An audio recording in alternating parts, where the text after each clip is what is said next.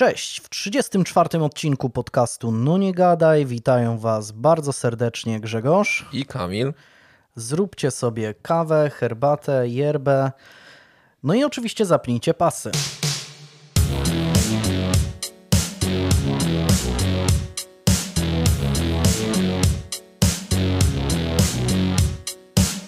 Wisła, Kusamo, Niżny Tagił, Planica, tyle konkursów, skoków narciarskich, a, a dopiero A ja nie obejrzałem się... żadnego.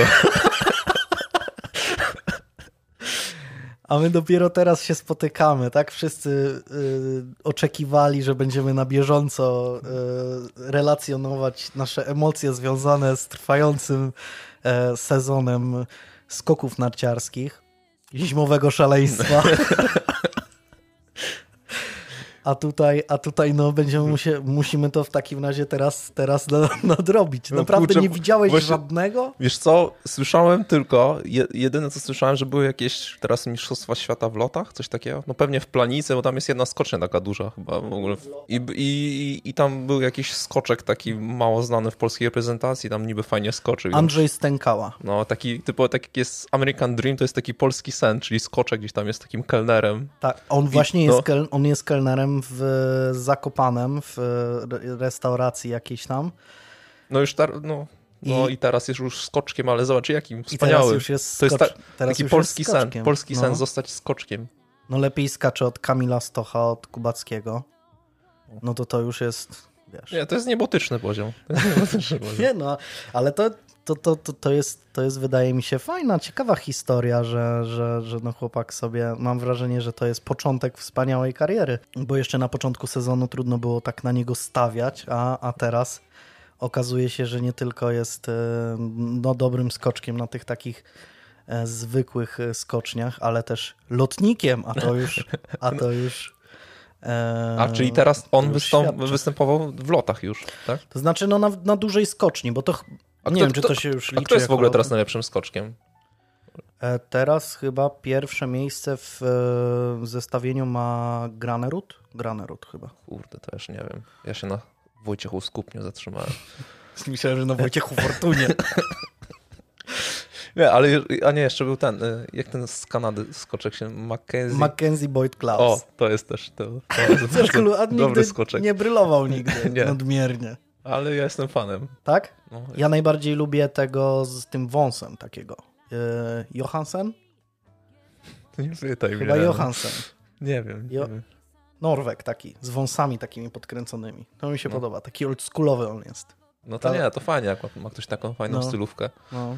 Wtedy... Chociaż nie, jeszcze kojarzę tego. Y, Eisenbichler? Co miał ten... Eisenbichler też w tym sezonie jest dobry, jest ta, mocny. Ta, ten, tą twarz ma taką memiczną, tam jest taki mem właśnie, w którym on tak jakby ma rozdziawioną buzię i tak jakby krzyczy na kogoś. Tak, to no, chyba, no, to chyba Eisenbichler, no. no. Czy Eisenbichler, no, no, ale tak, to, to, to tak, no.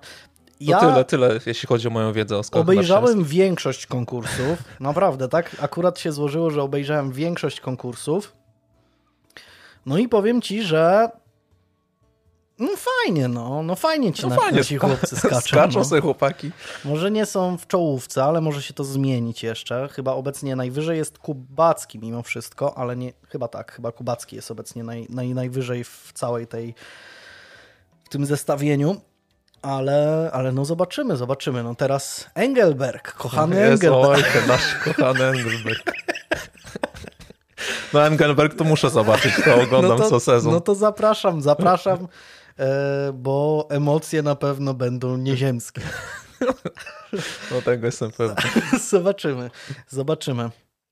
E, co jeszcze? No, e, za to jeśli chodzi o zestawienia, to Legia jest na szczycie ekstraklasy, co mnie, co mnie cieszy, nie ukrywam. Jednak ten Czesiu Michniewicz, widzisz, po, no. potrafił tam tym dronem polatać, poustawiać. No, ale wiesz, jak, Zobaczymy, jak, co z tego wyniknie. Jak opierasz gierkę na wrzutkę na Peckharta i on sobie tam po prostu no, ale, główką uderzy. No ale Peckhart jest y, póki co liderem klasyfikacji strzelców, więc no jakoś tam od tej głowy mu się ta piła no. odbija widocznie w stronę bramki.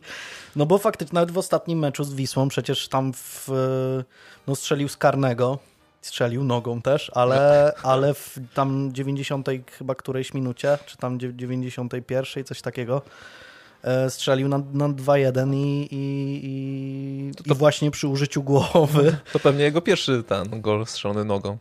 e, Że, że karnego strzela nogą to tak jak było kiedyś jakby te Euro 2016, że Pazan będzie ślizgiem strzelał rzut No, karny. no, no, no były, to były takie mógł, hasła. mógł głową. Mógł głową.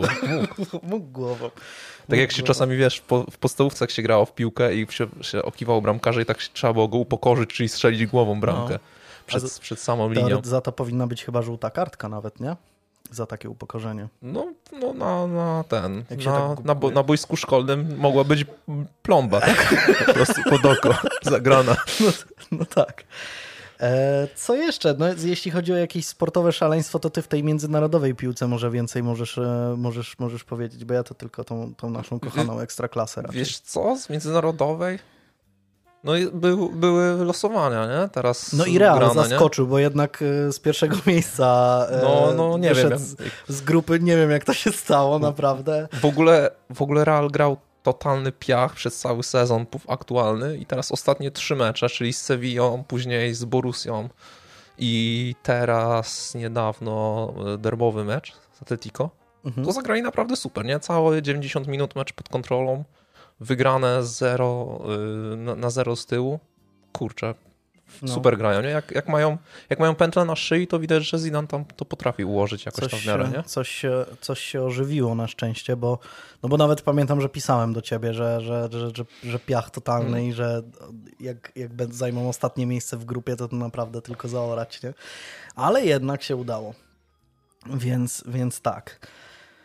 Aha, losowanie. No, no tam tak, Barcelona z PES, że na pewno zagra, to będzie. No i nie? Polska jest w grupie śmierci. No.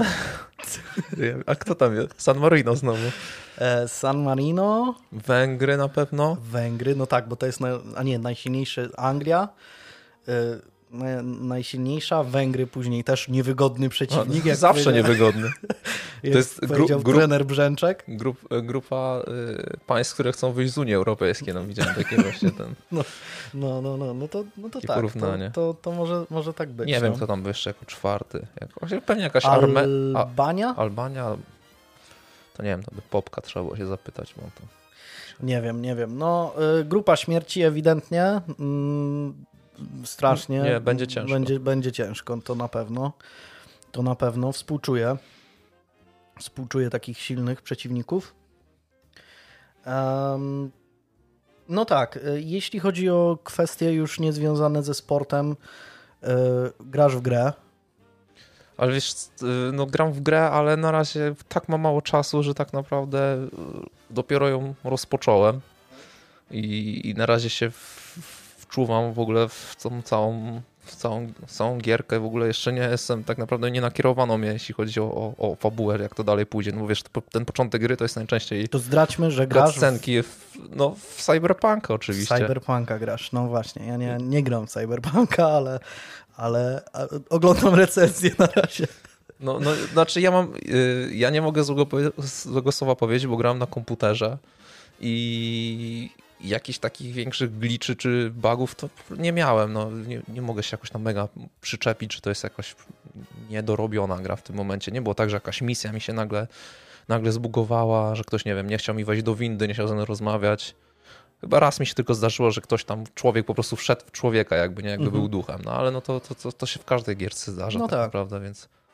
Więc ja bym do tego nie, no, nie, nie zwracałbym na to większej uwagi. Na razie mi się gra super, chociaż czekam aż się zacznie, wiesz, po prostu mm, grubsza gra, że będę miał te kilkanaście e, akcji pobocznych, misji pobocznych, gdzieś tam główny wątek, no bo na razie cały czas tłukę ten główny wątek, ten początek, cutscenki, cutscenki, cutscenki, żeby wytłumaczyć mniej więcej o co chodzi w świecie Mhm. i kim ja, kim ja jestem jako postać, nie? I w jakim kierunku będę szedł.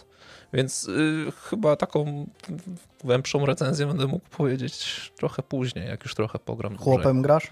Chłopem, chłopem. Y. Y, Z dużym penisem, z małym, czy ze średnim, obrzezanym, czy nie? Właśnie nie, nie zmieniałem tego tam, nie, nie, nie zwracałem na to uwagi. Zamknąłem oczy i wybierałem rozmiar penisa w tym momencie. Randomize, tak? Random... Nie, po prostu wszystko ustawiłem, a jeśli chodzi o penis, to randomize. I ma, y, sut, jeśli chodzi o sutki, to mam sutki. Z sutkami. Sutki, tak, z sutkami. Ciekawe, Postać czy to będzie miało jakiś znaczny wpływ na fabułę. No, Mo- może podejrzewam, mieć. Że, podejrzewam, że tak w Może mieć. razie. Znaczy, w czasach też, wracając do czasów podstawówki, wykręcanie suta to było stra... strasznie, strasznie Jedna bolesna kara. tortur. Jedna z tortur, więc to No. się też mogłoby skończyć. Może to, może to mieć wpływ na fabułę, że Tak. ktoś będzie chciał cię torturować. A ty nie mam suta. Nie mam Dawaj. suta, więc nie możesz, mnie, tu- nie możesz mnie tutaj złamać No. w żaden sposób. E, jeśli chodzi o gry, to ja dla odmiany gram ostatnimi czasy na mojej wysłużonej konsul, konsoli Xbox One w grę Assassin's Creed Valhalla. No to, to zazdro, zazdro. Bo, bo jestem, jestem ogólnie mm, fanem serii, nie ukrywam. Mm, Grałem we wszystkie chyba, mm, wszystkie części, jakie, jakie się pojawiły. I jestem naprawdę totalnie zachwycony. To znaczy oczywiście jest coraz mniej Assassin's Creed'a w Assassin's Creedzie, no bo gramy, gramy wikingami, więc no, trudno tutaj o jakieś budynki, parkour, dziki i tak No, ale dalej. właśnie mi się to, to, w którą stronę to idzie, to mi się dużo bardziej podoba, bo ja wolę ten styl taki, ta, takiej gry, nie?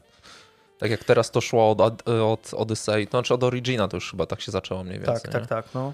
Więc ja ten, no ja czekam cały czas na swój kod od, e, ten, od MSI, bo mam dostać Aha, zgodnie no- tam z jakąś no tak. promocją i czekam cały czas, także jak ktoś z MSI nas słucha, to, to niech mi wyślą w Tak, końcu, bo ja jeśli, czekam, jeśli ktoś pograć. nas słucha, to weźcie tam ten. Prześlijcie, bo naprawdę. Fajny chłopak jest. No. A, a gra naprawdę, naprawdę jest bardzo, bardzo ciekawa, bardzo, mm, bardzo fajna. W ogóle ten świat wikingów, oczywiście taki przerysowany trochę jest, e, jest świetnie odtworzony. Świetna Anglia mm, tamtych e, czasów, więc naprawdę świetnie się to, mm, świetnie się to ogląda mm, i doświadcza, że tak powiem, tej historii, która tak mam wrażenie nie, nie jest aż tak dobrze nam znana, więc To tak jak patrzę właśnie na te gierki i patrzę na, na to, ile mam wolnego czasu i widzę tego Cyberpunka i tą Valhalla, to myślę, że przyszły rok ogram tylko dwie gierki przez, przez cały rok, bo pewnie Valhalla to jest ponad setka godzin, żeby to dobrze ograć z misjami pobocznymi, No tak, żeby w wątkiem. stylu właśnie Ubisofta, wiesz, zebrać wszystkie No. znajdźki, pogłaskać wszystkie koty i tak dalej, no to... A w Cyberpunku jest głaskanie kota, więc to też plus. A, to, jest no to tak, plus. to plus. Y, Cyberpunk na pewno też nie będzie krótką grą, więc jeżeli będzie się chciało wszystko tam, wszystkie Mhm. aktywności wyłapać, no to też sporo czasu się trzeba będzie na to poświęcić. No niestety to już czas, w którym Mm. trzeba. Żyjemy Nie w- tylko po to, żeby marudzić, że jesteśmy zmęczeni. Tak. Nie wszystek ogram, ale no, no, no próbować trzeba, no. Mm. Przynajmniej te takie mm, gry y, triple A, K- Klasyki, to warto, takie, takie, które za kilka lat trafią do kolekcji klasyki. Tak, to warto, warto próbować. Chociaż szczerze mówiąc, nie byłem na Cyberpunka jakoś mega nahypowany, ale jak oglądam te recenzje, dzisiaj obejrzałem recenzję Energika, którego zdanie ogólnie y, szanuję i, i którego kanał już śledzę od lat i który mm, no, bardzo dużą wagę przy, przykładał do właśnie takich kwestii technicznych, no to, no to jak pokazywał zestawienie jakichś, jakichś rzeczy, które tam się dzieją, akurat on grał, on i tak grał na mm, PS-ie, tym nowszym, tym, No. tym, tym lepszym. No bo najbardziej zbugowane Znaczy- jest niby na czwórce, nie? Ta wersja jakby... e, A pod- on pod- grał chyba na tym P, PS Pro czy, czy coś tam, więc... E, No oni za dużo, za dużo srok chcieli za złapać trochę, nie? Wy, I wyglą, wyglądało to koszmarnie. chociaż Mogliby mówił, to jeszcze wydać na Switcha na przykład i mobilki. No, no, no, no niestety coś tam, coś tam nie wyszło, ale wierzę z całych sił, że, że mm, CD Projekt jakby wyciągnie wnioski i, i, i zrobi z, z tego naprawdę. No to samo było z Wiedźminem? Jednak początek tak, tak samo wyglądał prawie. Tylko, że Wiedźmin nie był tak mocno hypowany na początku. No tak, no, no, no tak, no to na pewno. Ja przypominam za każdym razem, że ta gra została zapowiedziana prawie 8 lat temu. Ja pamiętam na studiach jeszcze, jak rozmawialiśmy o tym z, z jednym z naszych wykładowców. 8 lat temu. To, to jest naprawdę trochę czasu, żeby tę gie- gierkę, grę y, ograć, y, to znaczy przetestować, tak? Ale, wiesz, ale wiesz, jak to jest z ludźmi? że Wszystko lubimy robić na ostatnią chwilę. Nawet widzisz, jak te podcasty, jak się nie zmotywujemy za bardzo, no to, Tak, no. to się to ciężko przysiąść. Może siedzieli sobie kawkę pili przez 4 lata, 5, Może 6, tak, no. 7 i mówią, no dobra, może czas zacząć. No tak, mo, może, może tak było. E, coś jeszcze? Mm, Jeśli chodzi o książki, w sumie nic e, ciekawego nie czytałem. Ostatnio przypominam sobie komiksy z Asterixem, bo e, na e, kanale Napisy Końcowe, bardzo go polecam, pojawiła się dyskusja na temat filmów tych aktorskich o Asterixie i między innymi też trochę tam odniesień do komiksów. I przypominam sobie te stare komiksy z Asterixem i one są super. I ostatnimi czasy sobie wieczorami przed snem e, czytam e, Asterixa. Jest naprawdę mega. A, y, jeśli chodzi o komiksy, to jest zapowiedziany Kajko i Kokosz, o ile dobrze kojarzę na e, Netflixie. Tak, no. No i to, to będzie. Totalnie no. jestem zajarany, naprawdę. To będzie naprawdę. superanckie. No. Mimo, że wielu ludziom tam dupy pękły, że niby nie wyglądają dokładnie tak jak w komiksie, jo, ale to wiesz, to Szkoda szczępić ryja. Jestem zajarany totalnie e, Kajko i Kokoszem i czekam, czekam, czekam. Okej, okay, no to co? E, przechodzimy do spraw e, kryminalnych.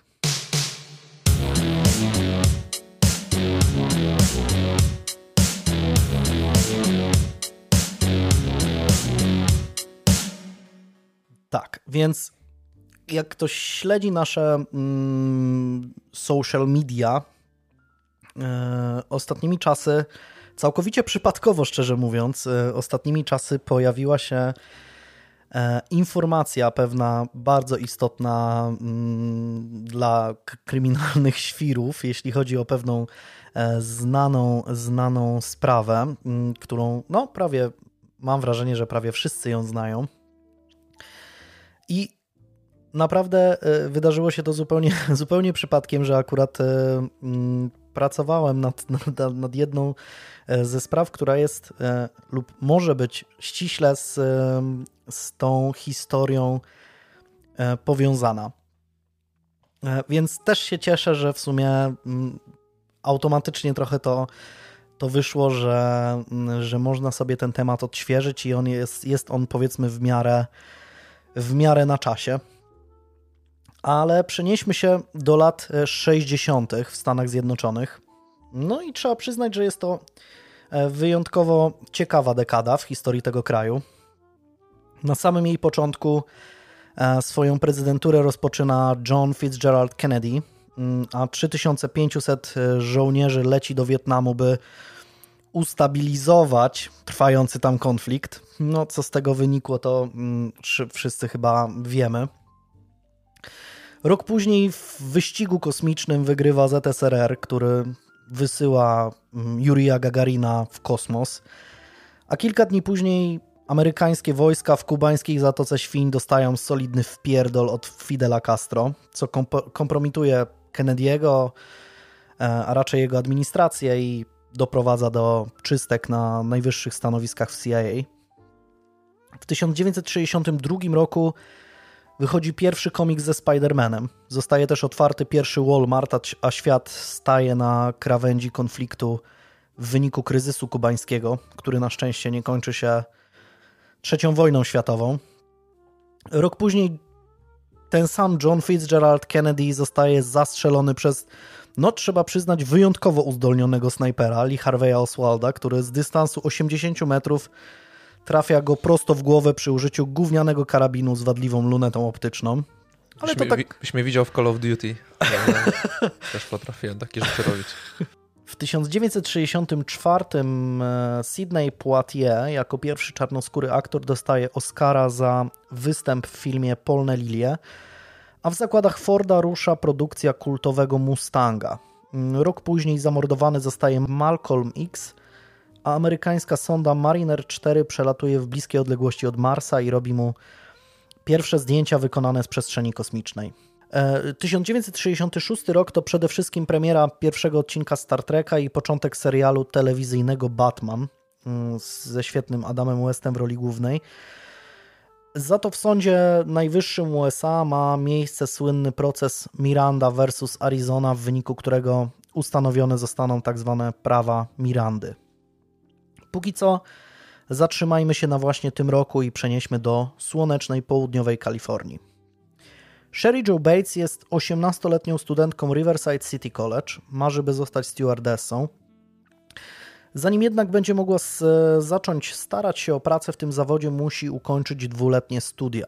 Najprawdopodobniej wcześniej wzięła już udział w rekrutacji do jednej z linii lotniczych, e, zaraz po ukończeniu liceum, ale niestety bez sukcesu. Powiedziano jej, że z dyplomem z koledżu w ręce jej szanse będą dużo większe. Dziewczyna więc nie zamierzała się poddawać i rozpoczęła studia pielęgniarskie. Póki co jest na pierwszym roku, a w wolnym czasie pracuje na pół etatu w miejscowym banku, e, a dokładniej w Riverside National Bank. Mm, dorabia sobie też jako niańka i zajmuje się papierkową robotą na uczelni. E, Sherry jest na tyle gospodarna, że za własne oszczędności kupuje sobie limonkowego Volkswagena Beetle, rocznik 1960, mm, znanego w naszej ojczyźnie pod uroczą nazwą Garbus. Dziewczyna jest bardzo dumna ze swojego auta i bardzo o nie dba. Mm, ten fakt będzie też e, istotny dla dalszej części e, historii. Co prawda, Sherry przyszła na świat w mieście Omaha w stanie Nebraska, ale już trzy lata później wraz z rodzicami i o rok starszym bratem Michaelem przeprowadziła się do Riverside w południowej Kalifornii. Rodzice Sherry, wtedy 31-letni Joseph Bates wraz z żoną Irene, e, mającą tyle samo lat, kupili dom przy Via San Jose pod numerem 4195, w którym zamieszkali w 1951 roku. Na temat dzieciństwa dziewczyny e, nie wiadomo zbyt wiele.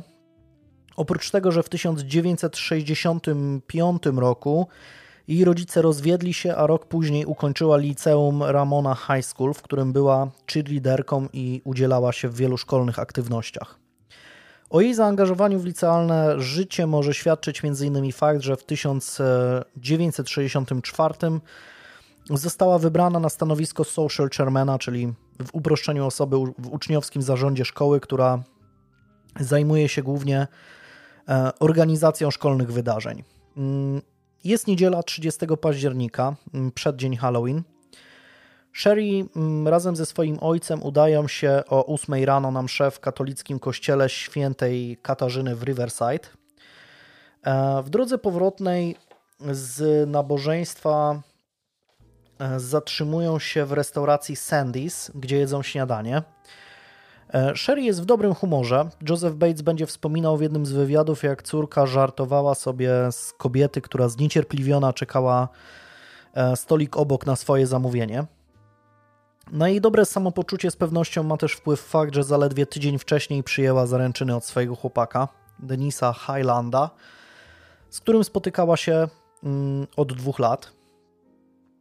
Mm, ten mieszka w tym czasie w San Francisco. Na początku studiował na tej samej uczelni co Sherry, ale został przeniesiony właśnie do e, San Francisco, do San Francisco State College, by tam móc e, trenować futbol. Około godziny 9.30 dziewczyna razem, dziewczyna razem z ojcem mm, wraca do domu. Mm, w tym czasie mieszkają w nim tylko w dwójkę. Brat Sherry służy w marynarce wojennej i stacjonuje daleko od domu. E, Joseph e, Bates planuje spędzić większość dnia razem ze swoją przyjaciółką na plaży e, odległej od Riverside o mniej więcej godzinę jazdy. Prawdopodobnie wybiera się do jednego z kalifornijskich kurortów Newport Beach lub Huntington Beach. Mężczyzna proponuje córce przyłączenie się do relaksu nad oceanem, ale ta odmawia. Planuje się uczyć do nadchodzących egzaminów semestralnych. Wspomina też, że może wybierze się do uczelnianej biblioteki, by wypożyczyć książki, które są jej potrzebne do napisania pracy pisemnej na temat Kolegium Elektorów Stanów Zjednoczonych. I tutaj w ogóle nie wiem, dlaczego na studiach pielęgniarskich ktoś ma pisać pracę pisemną na temat Kolegium Elektorów Stanów Zjednoczonych, no ale może tak było. Może to jest coś takiego jak, nie wiem, statystyka na, na studiach, że... Logika też. Albo logika, albo filozofia, cokolwiek studiujesz, to zawsze masz, po prostu ci wcisną i, i tyle.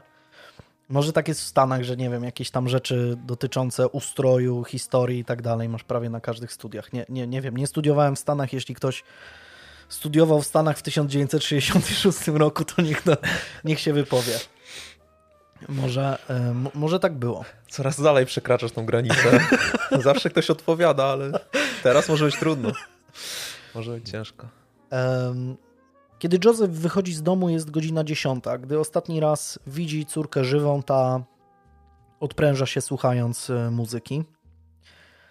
Trudno powiedzieć, co Sherry robi przez kolejne 5 godzin, ale nie ma powodów, by podejrzewać, że zmieniła plany, o których powiedziała ojcu. E, można więc z prawdopodobieństwem graniczącym z pewnością założyć, że mm, nie, że nie opuszcza domu przez następnych kilka godzin, bo o 15 dzwoni.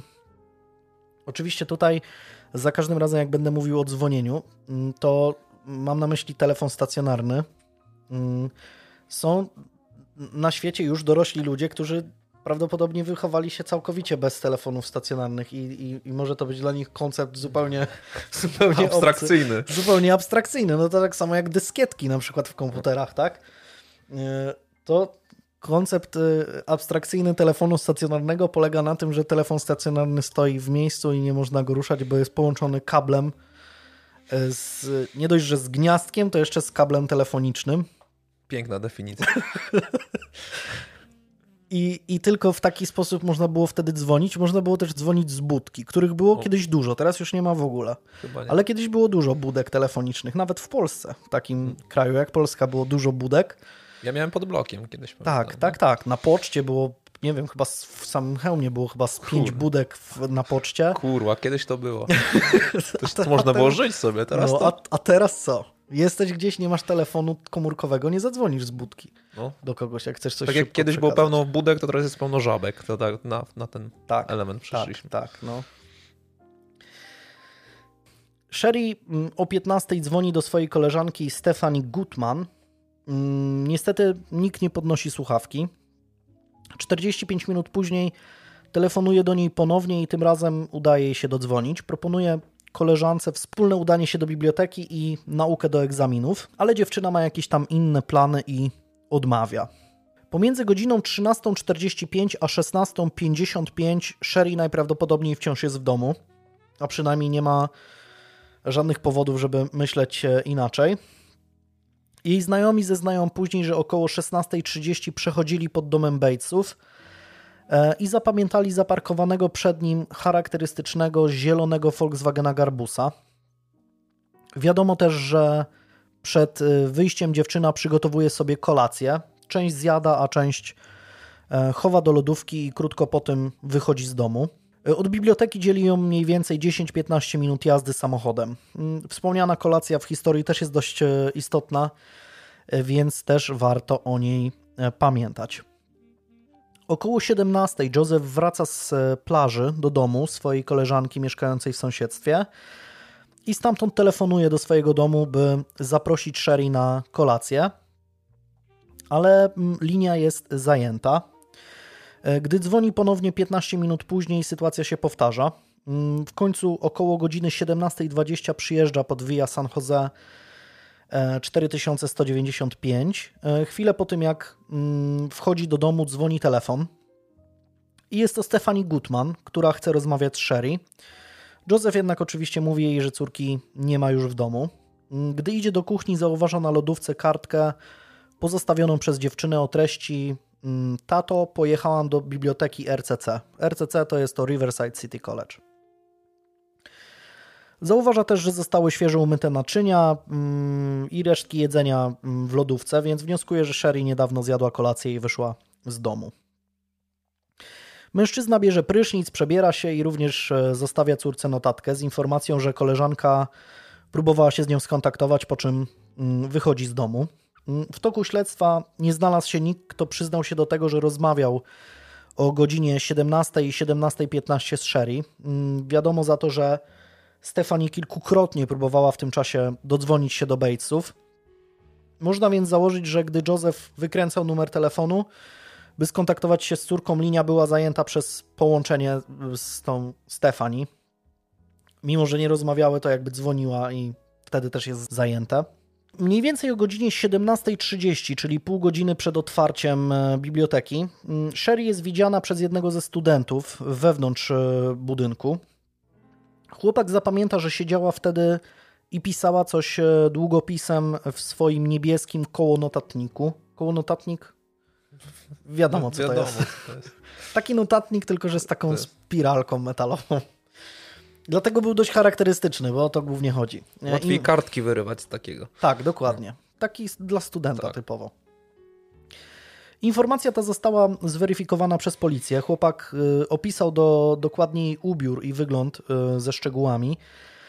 E, fakt, że dziewczyna miała charakterystyczny niebieski notatnik również został potwierdzony w toku śledztwa. Mm, ten sam student będzie twierdził, że widział Sherry w bibliotece też już po jej otwarciu, za to inni studenci, którzy zjawili się w budynku około godziny 18.30 e, i znający Sherry będą zapewniać śledczych, że swojej koleżanki nie widzieli. Mm, co prawda jeden z bibliotekarzy będzie twierdził, że widział dziewczynę, ale nie będzie miał do tego stuprocentowej pewności, mm, nie będzie miał co do tego stuprocentowej pewności i nie będzie w stanie wskazać konkretnej mm, godziny.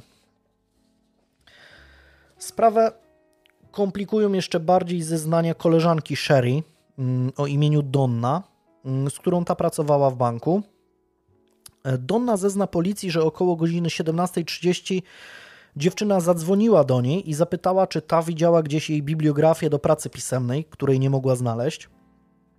Gdy Dona zaprzeczyła, Sherry odpowiedziała, że w takim razie będzie musiała jeszcze raz poszukać swo, przeszukać swoje notatki.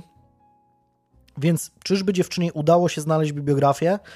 Czy może na przykład wróciła po nią do domu, czyli siedziała w tej bibliotece, zorientowała się, że nie ma tej bibliografii i wróciła do domu? Tak naprawdę trudno powiedzieć. E, wersję z powrotem do domu mm, zdaje się potwierdzać inny bliski znajomy Sherry, który zezna, że widział ją o godzinie 18.10 jadącą mm, swoim limonkowym garbusem w stronę biblioteki. Będzie on nawet pamiętał, że pomachał do niej, e, a ta prawdopodobnie go nie zauważyła. Pomimo tego, że będzie całkowicie pewien, że była to właśnie ona. Zeznania chłopaka zostaną potwierdzone przez jeszcze jednego świadka mieszkającego w apartamentach położonych nie, niedaleko kampusu RCC. Prawie dokładnie w tym samym czasie widział on blondynkę w limonkowym garbusie, kierującą się w stronę e, biblioteki uczelnianej. Zapamięta też, że zaraz za jej samochodem jechało brązowe auto marki Oldsmobile. Mm, tego jednak nie potwierdzi jakikolwiek inny świadek. To znaczy, samochód mark marki Oldsmobile pojawi się tylko w zeznaniach tego jednego świadka. Czterech mężczyzn, którzy w tamtym czasie siedzieli po drugiej stronie ulicy, niedaleko wejścia do biblioteki, mm, zezna, że widzieli dziewczynę obok jej samochodu. Krótko, krótko po tym właśnie, czyli mniej więcej 18.10, 18.15. No i właśnie tych czterech mężczyzn jest to, to są cztery świadkowie, którzy widzieli mm, Sherry mm, Joe Bates żywą po raz ostatni. 30 października w ciepły niedzielny wieczór uczelniana biblioteka zostaje zamknięta o godzinie 21. E, jest już ciemno. Właśnie tego dnia zmieniono czas z letniego na zimowy. Niewykluczone też, że może to być powodem mm, przekłamań w podawanych e, w zeznaniach godzinach, że po prostu no, świadkowie nie, nie mieli przestawionych zegarków, żyli jakby czasem mm, letnim, dlatego, dlatego to, to dodaje jeszcze więcej znaków zapytania tak naprawdę w, w, tej, w tej sprawie.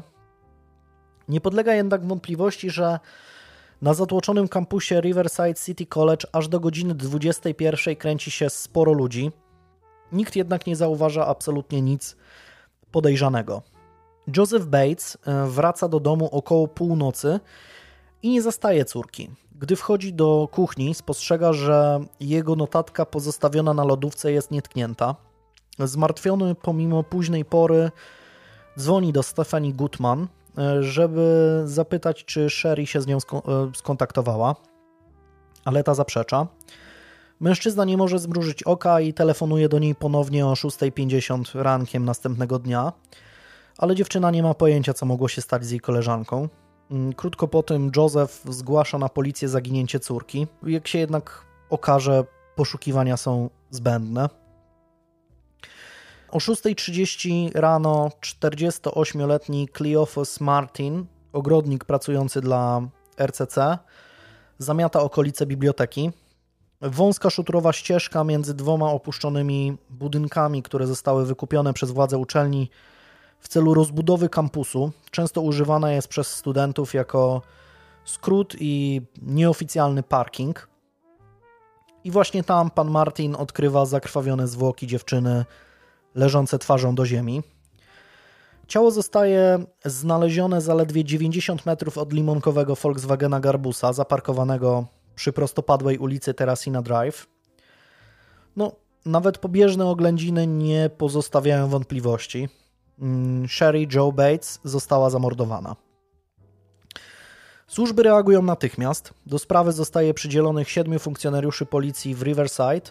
Dołączają do nich także kolejni śledczy przydzieleni przez prokuratora i biuro koronera, co daje łącznie 24 osoby skupiające się wyłącznie na szybkim schwytaniu z e, zabójcy.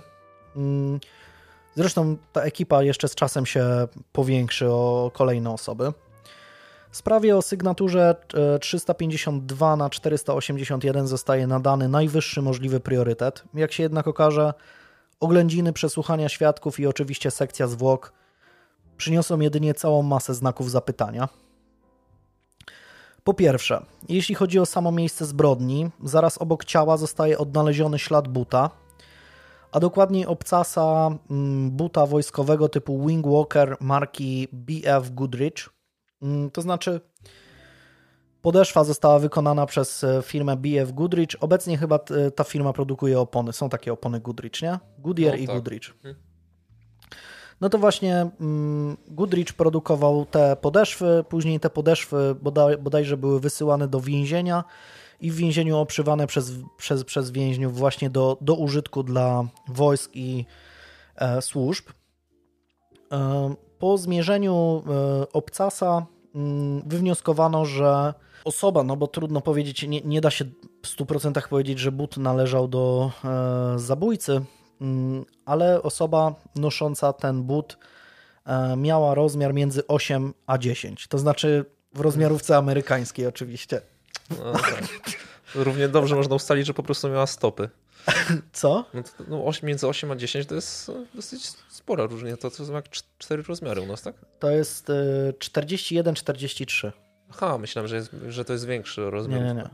Dobra ale, gdyby, ale gdyby się okazało, że to jest rozmiarówka europejska 8 a 10, to małą stopę bym miał. No bardzo mało, przy europejskiej.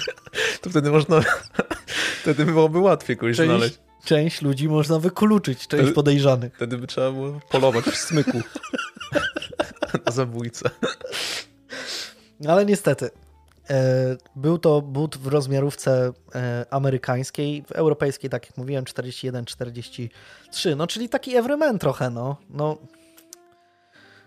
no, no taki chyba jeden z najpopularniejszych no tak, ja się łapię. możliwości. No ja też. No to już byśmy byli w kręgu podejrzanych. Jesteśmy w sumie Jest. w kręgu podejrzanych. Ten Wingwalker to obuwie zaprojektowane dla spadochroniarzy do chodzenia po skrzydle z e, samolotu.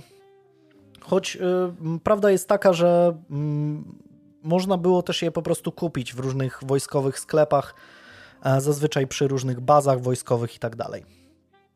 E, trzy metry od ciała leży niedrogi męski zegarek marki Timex z zerwanym e, skórzanym paskiem, wskazującym godzinę 12.24. Widoczne są na nim niewielkie resztki zaschniętej farby. Mm, osoba nosząca go musiała mieć nadgarstek o obwodzie niecałych 18 metrów. Co Jezus Maria, ogromny nadgarstek! Małe stopy, wielki nadgarstek. Jezus Maria, przecież 18 metrów.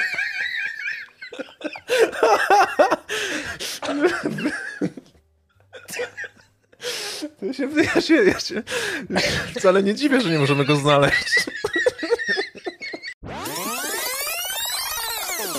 Osoba nosząca go musiała mieć nadgarstek o obwodzie niecałych 18 cm. W pobliżu ciała zostaje też zabezpieczony niedopałek papierosa. Trudno jednak ustalić, czy mający jakikolwiek związek ze sprawą. W dalszym toku śledztwa zostanie ustalone, że buty, których odciski znaleziono na miejscu zbrodni, zostały najprawdopodobniej zakupione w pobliskiej lotniczej bazie wojskowej March. E, a zegarek Timex w bazie wojskowej gdzieś za oceanem. Pomimo starannych poszukiwań nie znaleziono jednak narzędzia zbrodni, e, o którym trochę więcej zaraz e, powiem. Ślady krwi prowadzące od ciała do prostopadłej ulicy Terracina Drive sugerują, że sprawca po zamordowaniu Sherry poszedł właśnie w tamtą stronę. Z drugiej strony real, realny scenariusz jest też taki, że dziewczyna została zaatakowana na ulicy gdzieś przy samochodzie lub w jego pobliżu i próbowała uciec, mając nadzieję na zgubienie napastnika w ciemnej alejce, ale została dogoniona przez mordercę i tam ostatecznie zamordowana. Przeczą temu jednak ślady butów wskazujące na to, że Bates poruszała się w towarzystwie drugiej osoby spokojnie i skręciła w ciemną szutrową alejkę, idąc normalnym tempem, a nie biegnąc. E, nie podlega wątpliwości, że Sherry zaciekle broniła się przed atakiem, pomimo tego, że ważyła zaledwie 50 kg i miała 1,60 m wzrostu. To była zwinna i wysportowana. Ziemia dookoła ciała jest mocno naruszona, jakby zaorana. Można sobie jedynie wyobrazić, z jaką zaciekłością dziewczyna próbowała ratować swoje życie. E, samochód Sherry, tak jak mówiłem, stoi zaparkowany blisko wejścia do biblioteki, mniej więcej 90 metrów od miejsca, w którym znaleziono jej zwłoki. Drzwi garbusa nie są zamknięte na klucz, a te po stronie pasażera są nawet niedomknięte. Mm, obie boczne szyby z jakiegoś powodu są częściowo opuszczone. E, klucze znajdują się w stacyjce, a trzy książki z biblioteki wraz z notatnikiem leżą na prawym fotelu. Na drzwiach samochodu po stronie kierowcy zabezpieczone zostają tłuste odciski palców, a nawet e, odciski całej dłoni, nie należące do Sherry ani mm, żadnego z jej znajomych czy członków rodziny. Największa niespodzianka jednak e, ukazuje się śledczym, gdy próbują uruchomić silnik samochodu. Mm, otóż akumulator jest martwy. Gdy zaglądają pod maskę, okazuje się, że auto, a dokładnie jego układ rozruchowy został umyślnie uszkodzony. Nieświadoma ofiara, kilkukrotnie próbując uruchomić samochód, rozładowała akumulator, co unieruchomiło go na stałe. E, fakt, że Sherry była bardzo przywiązana do swojego auta, leży w oczywistej sprzeczności z tym, co zastano w Volkswagenie. Mm, dziewczyna nigdy nie zostawiłaby otwartego samochodu z opuszczonymi szybami i kluczykiem w stacyjce, więc co lub kto ją do tego zmusił.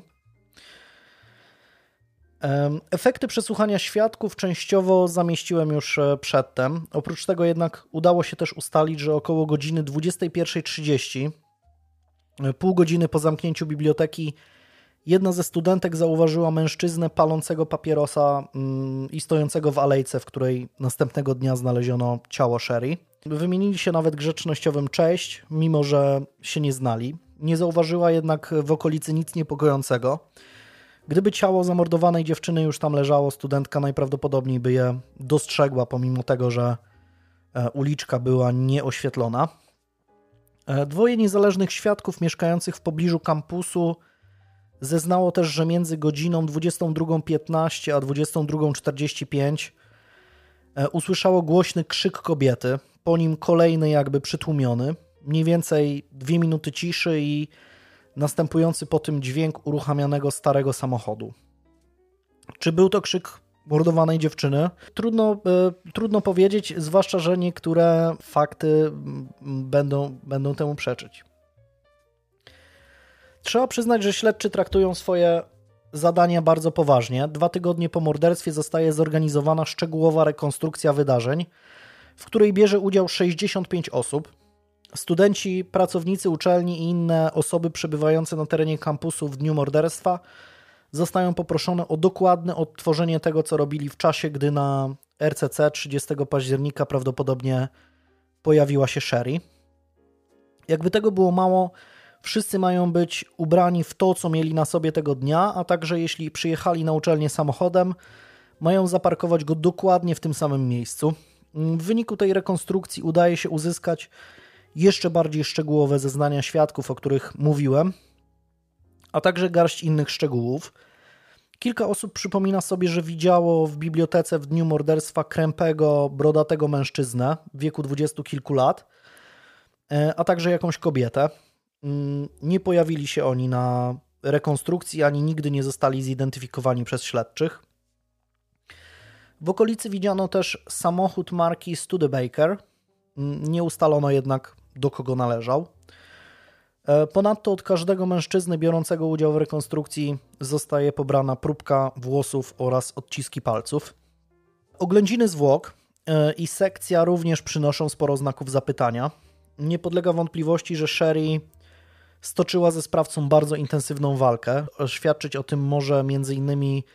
zerwany zegarek i naruszona ziemia, ale także fakt, że pod paznokciami i w dłoniach dziewczyny znalezione zostają fragmenty tkanki i włosy należone, należące z całą pewnością do napastnika, co pozwala na zabezpieczenie DNA i ustalenie, że sprawca był białym, brązowo-włosym mężczyzną.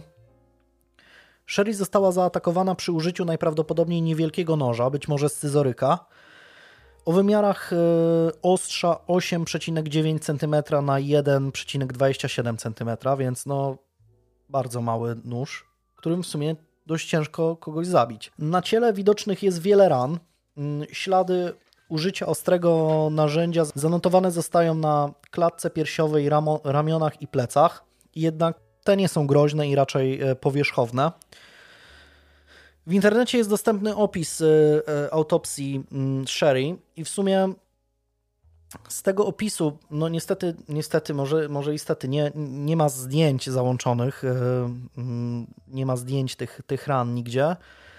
Są jedynie, mm, jest jedynie opis autopsji, ale wynika z niego dość, dość jasno, że większość ran, tak jak mówię, na klatce piersiowej, ramionach i plecach, to są w miarę płytkie i niewielkie rany, mm, jakby zadane przypadkowo w trakcie, w trakcie walki. E, ewidentnie e, celem ataku sprawcy jest y, gardło mm, Sherry, bo na nim jest aż 7 głębokich ran ciętych. No i to one bez wątpienia spowodowały śmierć e, dziewczyny. No można sobie jedynie wyobrazić, jak, jak mogła wyglądać ta, ta walka. Trudno wywnioskować też, e, e, w jakiej pozycji był napastnik w momencie ataku i tak dalej. Najbardziej prawdopodobne jest to, że e, przygwoździł dziewczynę do, do ziemi i zadawał te ciosy z góry, ale to tylko e, no, do pewnego stopnia jest zgadywanie. Przeprowadzone zostają też e, badania toksykologiczne, które wykluczają obecność alkoholu czy substancji odurzających w krwioobiegu Bates.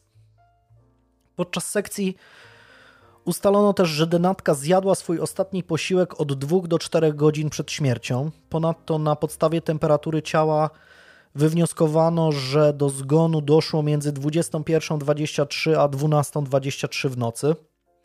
Oczywiście biorąc pod uwagę przytoczone przeze mnie informacje, to totalnie nie trzyma się to kupy, bo Sherry mogła zjeść przyrządzoną przez siebie, e, przyrządzony przez siebie w domu posiłek najpóźniej o godzinie 16.45, więc do zgonu musiałoby dojść najwcześniej o 18.45, a najpóźniej o 20.45, no co leży w sprzeczności z drugą częścią ustaleń sekcji oraz zeznaniami świadków. Poza tym trudno sobie wyobrazić, żeby ktokolwiek mordował dziewczynę na kampusie uczelnianym zaraz obok biblioteki 15 minut przed jej zamknięciem, kiedy właśnie jest tam pełno ludzi.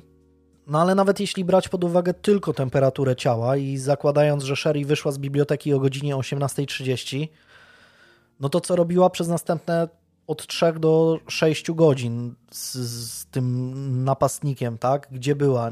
Żaden ze świadków mm, nie zeznał, że Sherry gdziekolwiek się udawała. Wiadomo o tym tak naprawdę, że samochód był uszkodzony, więc co, co mogła w tym czasie robić.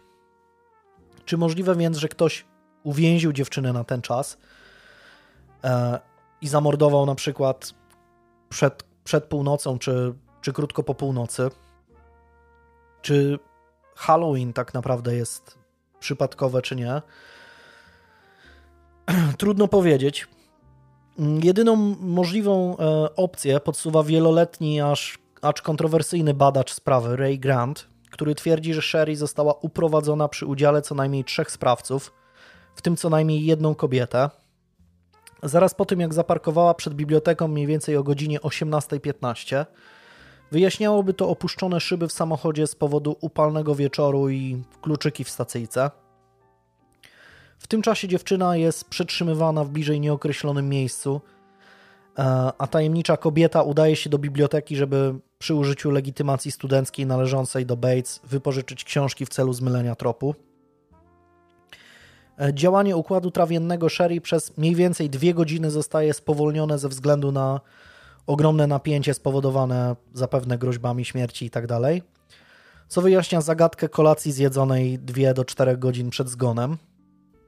Podobno faktycznie tak jest, że e, trawienie potrafi się potrafi bardzo spowolnić albo praktycznie całkowicie się zatrzymać w sytuacji jakiegoś granicznego stresu, granicznego napięcia. I jest to opisane przez specjalistów. Sprawcy dopiero około 22.30 idą w ciemną alejkę, by zamordować tam dziewczynę. Jeden z mężczyzn ją obezwładnia, a drugi zadaje ciosy. Zegarek podrzucają umyślnie. Samochód uszkadzają również tylko po to, by zmylić trop. Oczywiście taka wersja zdarzeń musiałaby zakładać, że Sherry nie była przypadkową ofiarą, że jej śmierć jest szczegółowo zaplanowana w szerszym gronie, zakładająca to, że to wszystko zostało doskonale upozorowane i miejsce zbrodni, czas zbrodni został szczegółowo zaplanowany.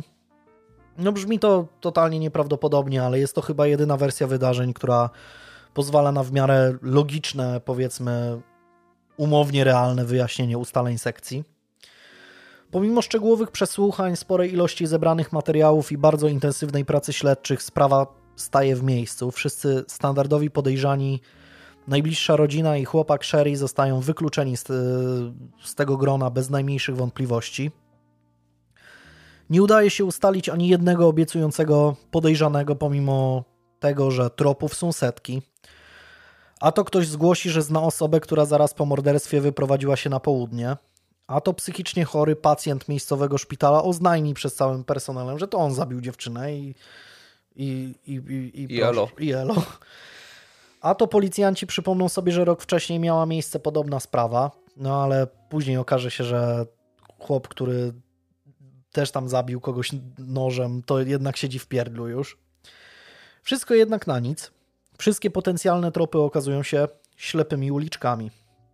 29 listopada jednak ma miejsce zwrot akcji o godzinie 17 ze skrzynki nadawczej na poczcie w Riverside zostaje wyjęta koperta bez znaczka zaadresowana do miejscowego wydziału zabójstw, czyli moje ulubione rzeczy, czyli listy. Ludzie listy piszą. Tak. Taką samą na następny dzień otrzymuje redakcja lokalnej gazety The Press Enterprise. Mm, w obu kopertach znajduje się ten sam list, napisany wyłącznie wielkimi literami na maszynie i opatrzony tytułem Confession, czyli wyznanie. Oto jego treść. Była młoda i piękna, ale teraz jest zmaltretowana i martwa. Nie jest pierwsza i nie będzie ostatnia. Nocami nie mogę spać, myśląc o moich następnych ofiarach. Może będzie nią śliczna blondynka, która pracuje jako opiekunka do dzieci obok tego małego sklepu i każdego wieczora około siódmej przechodzi ciemną uliczką. A może będzie to zgrabna niebiesko-oka brunetka, która w liceum powiedziała nie – gdy zaproponowałem jej randkę. A może nie będzie to żadna z nich. Tak czy inaczej, wytnę jej kobiece narządy i pozostawię na widok całego miasta. Nie ułatwiajcie mi tego. Trzymajcie swoje siostry, córki i żony z dala od ulic i alejek. Panna Bates była głupia. Szła jak owca prowadzona na rzeź. Nie podjęła walki, ale ja tak. To była dobra zabawa. Najpierw wyciągnąłem środkowy przewód z zapłonu, a potem czekałem na nią w bibliotece. Po jakichś dwóch minutach wyszedłem za nią. Do tego czasu akumulator już się rozładował. Zaoferowałem pomoc. Rozmawiała ze mną bardzo chętnie. Powiedziałem jej, że mój samochód stoi niedaleko i że podrzucę ją do domu. Oddaliśmy, yy, oddaliliśmy się od biblioteki. Wtedy powiedziałem, że już nadszedł czas. Zapytała: Nadszedł czas na co? Odpowiedziałem, że nadszedł czas na jej śmierć. Złapałem ją za szyję jedną ręką zatykając jej usta, a drugą przykładając mały nóż do jej szyi. Szła bardzo posłusznie. Czułem jej ciepłe i jędrne piersi, ale w mojej głowie było tylko jedno: odpłacić jej za to, że przez całe lata mnie ignorowała. Miała ciężką śmierć. Wierciła się i wyrywała się, kiedy ją dusiłem, a jej usta drżały. Krzyknęła, a ja kopnąłem ją w głowę, aby ją uciszyć. Wbiłem w nią nóż. Złamał się. Dokończyłem robotę podrzynając jej gardło. Nie jestem chory. Jestem szalony. Gra jeszcze się nie skończyła. Opublikujcie ten list, aby każdy mógł go przeczytać. Być może to uratuje życie jakiejś dziewczynie spacerującej alejką. Ale to zależy od was. To wy będziecie mieli ją na sumieniu. Nie ja. Tak, wykonałem tamten telefon do was. To było tylko ostrzeżenie. Bądźcie czujni. Właśnie teraz poluję na wasze kobiety. Koniec listu. E, no, śledczy nie muszą się nadmiernie wysilać, żeby uznać list za autentyczny. Mm, jego autor ma wiedzę dostępną wyłącznie dla policjantów pracujących nad sprawą i mówi o, chyba że policjant sobie jaja, robił na przykład i wysyłał ten, wysłał ten list. Ale no, myślę, że można to wykluczyć raczej. No i list mówi o szczegółach zbrodni, które dotychczas nie zostały ujawnione prasie. Między innymi mm, o fakcie, że samochód został unieruchomiony dzięki wyjęciu przewodu z zapłonu. E, co prawda w wyniku sekcji nie zostało potwierdzone, że nóż faktycznie się złamał, mm, ale napastnik mógł mieć na myśli zablokowanie się scyzoryka w pozycji um, umożliwiającej jedynie cięcie, czyli jakby no wy, wygięcie się go w drugą stronę. To powiedzmy tłumaczyłoby aż tyle ran ciętych e, gardła ofiary. Autopsja mm, nie wykazała też, że Sherry e, była trzymana za szyję. Raczej wątpliwe, żeby taki uścisk nie pozostawił żadnego śladu. Nie zostało przez nikogo potwierdzone również, że policja otrzymała jakikolwiek telefon zapowiadający zbrodnię. Wiele szczegółów jednak e, się zgadza. Co do kwestii tego kopnięcia, też są różne wersje, tak? Autopsja mm, nie wykazała na przykład wybicia zębów, czy, czy jakiegoś mm, mocnego uszkodzenia głowy, czy, czy twarzy, więc jeśli to kopnięcie faktycznie było, no to nie było jakieś e, bardzo mocne, zwłaszcza takim wojskowym butem. Powinno mm, e, zadać jakieś konkretne obrażenia. Równo 6 miesięcy po morderstwie 30 kwietnia 1967 roku gdy w lokalnych gazetach pojawiają się artykuły na temat wciąż stojącego w miejscu śledztwa, e, znowu dzieją się rzeczy. Morderca po raz kolejny daje o sobie znać.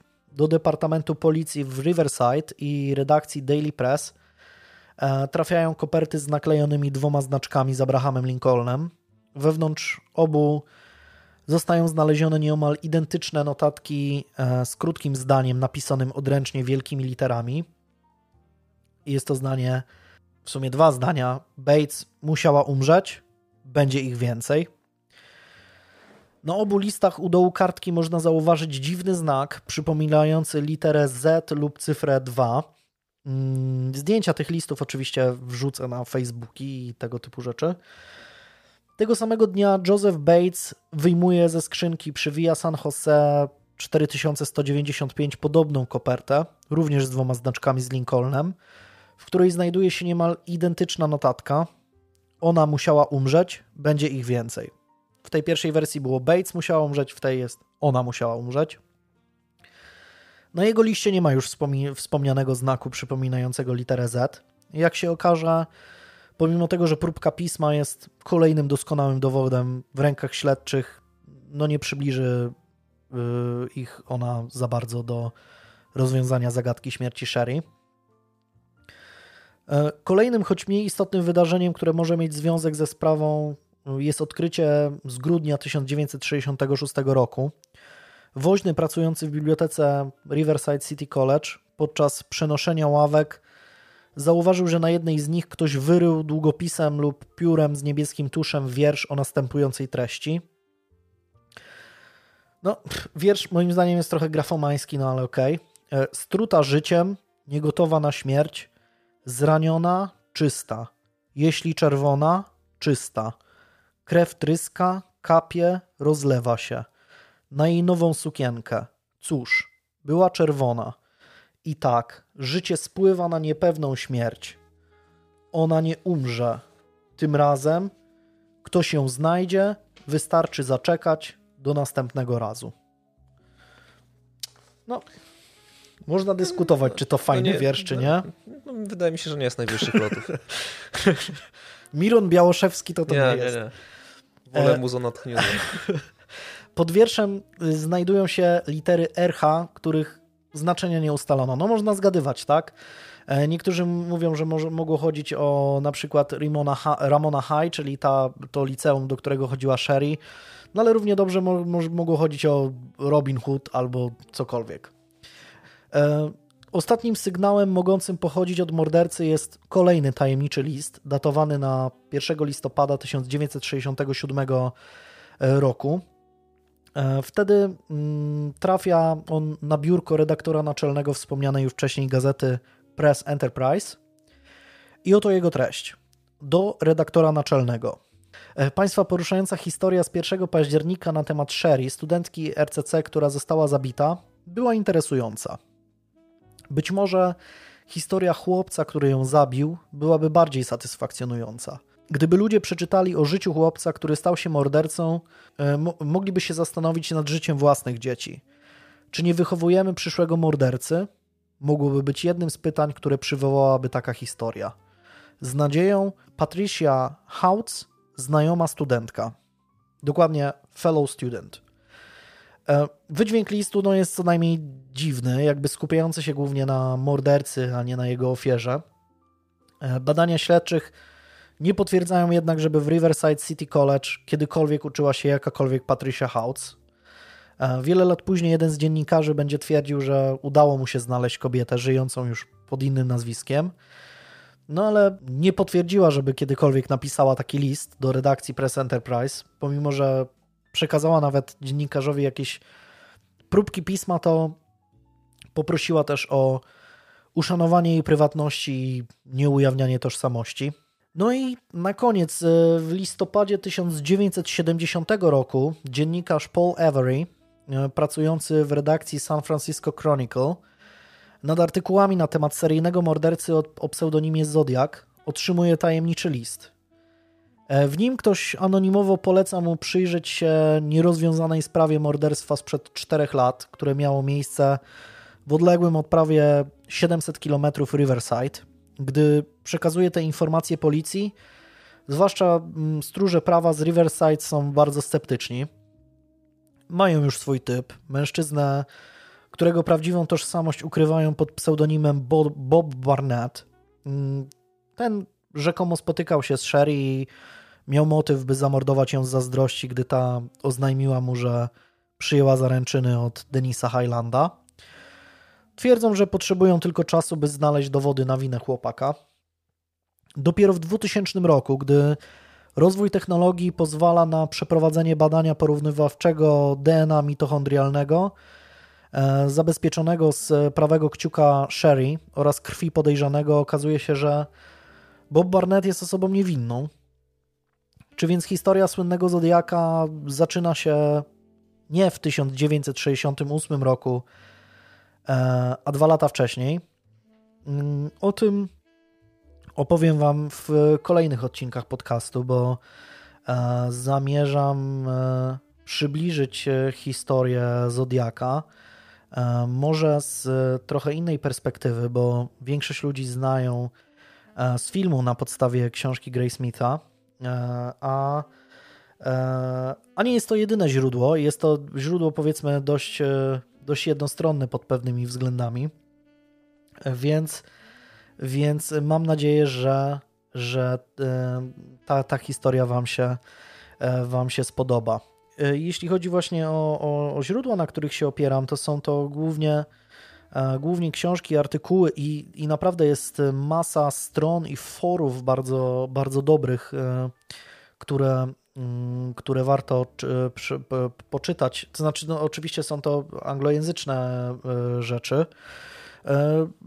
Wiadomo, że jest tam cała masa szurów, którzy tam mają jakieś swoje przedziwne, przedziwne teorie, ale jest też naprawdę masa, masa bardzo dobrego kontentu i ludzi, którzy pomimo tego, że amatorsko zajmują się tematem, to, e, to opowiadają o nim naprawdę mm, w sposób bardzo interesujący i, i skupiają się na e, masie, masie szczegółów.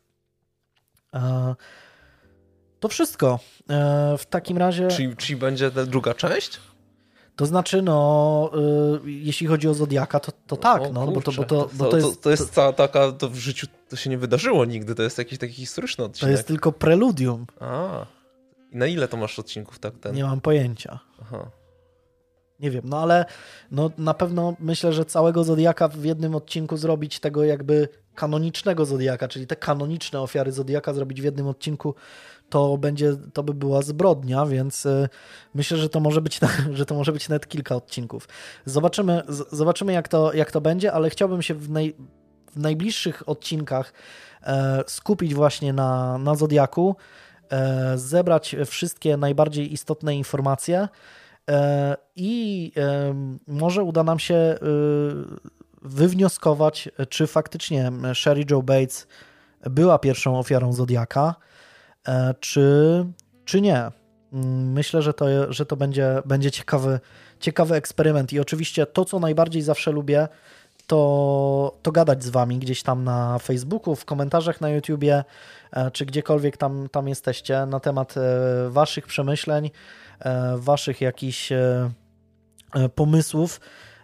I, I jak zadajecie pytania o rzeczy, które Was interesują, bo też nie o wszystkim da się da się opowiedzieć. Więc y, mm, w takim razie no, w, następnych, w następnych odcinkach będzie, będzie Zodiak. To po raz pierwszy wiecie, co będzie, co będzie dalej. E, mam nadzieję, że będziemy się dobrze bawić. E, no ja, ja się świetnie bawiłem, szczególnie z tym nadgarstkiem. To, e, no, tak, tak, tak, tak. No. To do making offu się nadaje jakiegoś. Świetne to było. dobra, to w takim razie w takim razie to wszystko i słucham ciebie.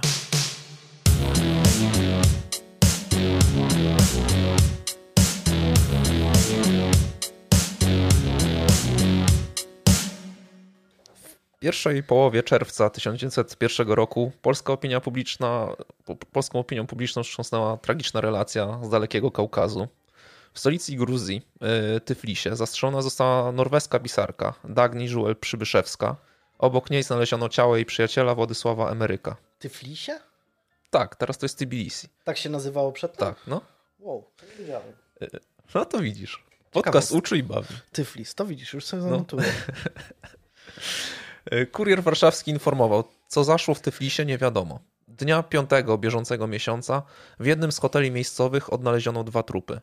Obdukcja lekarska wykazała, że oboje zmarli od kuli rewolwerowej. Te skąpe informacje tylko ponosiły zainteresowanie tragedią. Przypominano, że kilka tygodni wcześniej, tuż przed wyjazdem Dagny i Ameryka do Tyflisu, samobójstwo popełnił przyjaciel obojga, poeta Stanisław Kora-Brzozowski.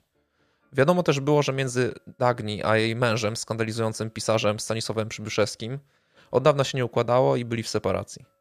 Wspaniałym tłem dla tej historii była niesamowita osobowość Przybyszewskiego. Idealnie wpisywał się on w obraz skrajnego dekadenta epoki.